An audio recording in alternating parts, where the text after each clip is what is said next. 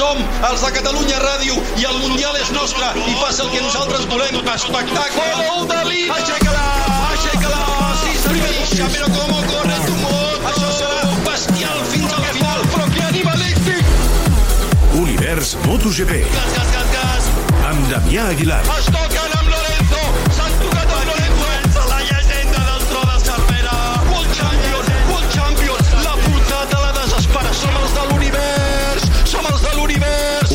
Univers MotoGP.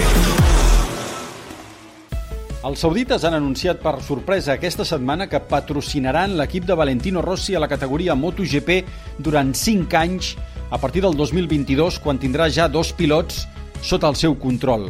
L'equip es dirà Aramco Racing Team BR46. Això es gestiona a través de Tanal Entertainment Sport and Media, companyia que presideix el príncep Abdulaziz bin Abdullah Al Saud.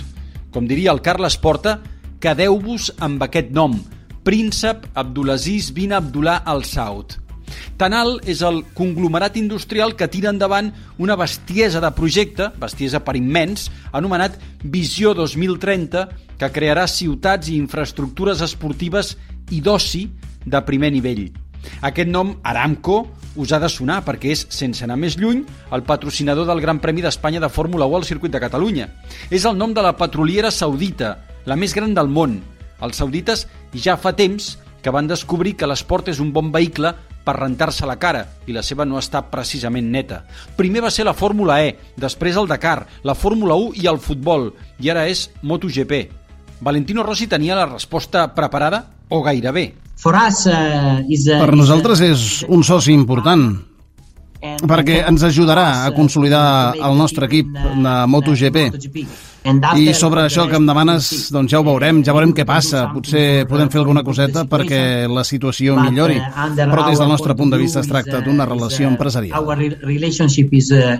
S'ha publicat que Dorna no pot organitzar cap cursa de MotoGP a l'Aràbia Saudita perquè Qatar paga per tenir l'exclusivitat al golf pèrsic. Però els saudites han entrat a MotoGP i tant que hi han entrat, patrocinant Valentino Rossi. I els catarians no estan contents, segur, encara que els dos països hagin fet les paus recentment. Per al pilot de Tabulla, aquest acord és la culminació d'un projecte que va començar fa 10 anys. The Italian Championship. Vam començar la Moto3 del campionat italià i hem ajudat força pilots a arribar al Mundial. Hem fet eh, coses grans, però no estic implicat directament en aquest acord. Hi ha gent de l'empresa que se n'encarrega. Jo només sóc al cap, però no parlo amb ells de manera directa i estic content perquè hem anat pas a pas. Som addictes al motorsport i hem gaudit molt d'aquesta aventura. És una bona manera per seguir a MotoGP quan plegui de córrer. In this, in this world. El segon capítol d'aquesta història és quina moto tindrà l'equip de Rossi i després vindrà quins pilots. Ara, la unió empresarial entre l'esponsorama del català Raúl Romero i el BR46 a MotoGP és amb Ducati, però podria ser Yamaha Aprilia o Suzuki. Rossi diu que han parlat amb les quatre marques esmentades. Alec Rins pensa que Suzuki necessita tenir un equip satèl·lit.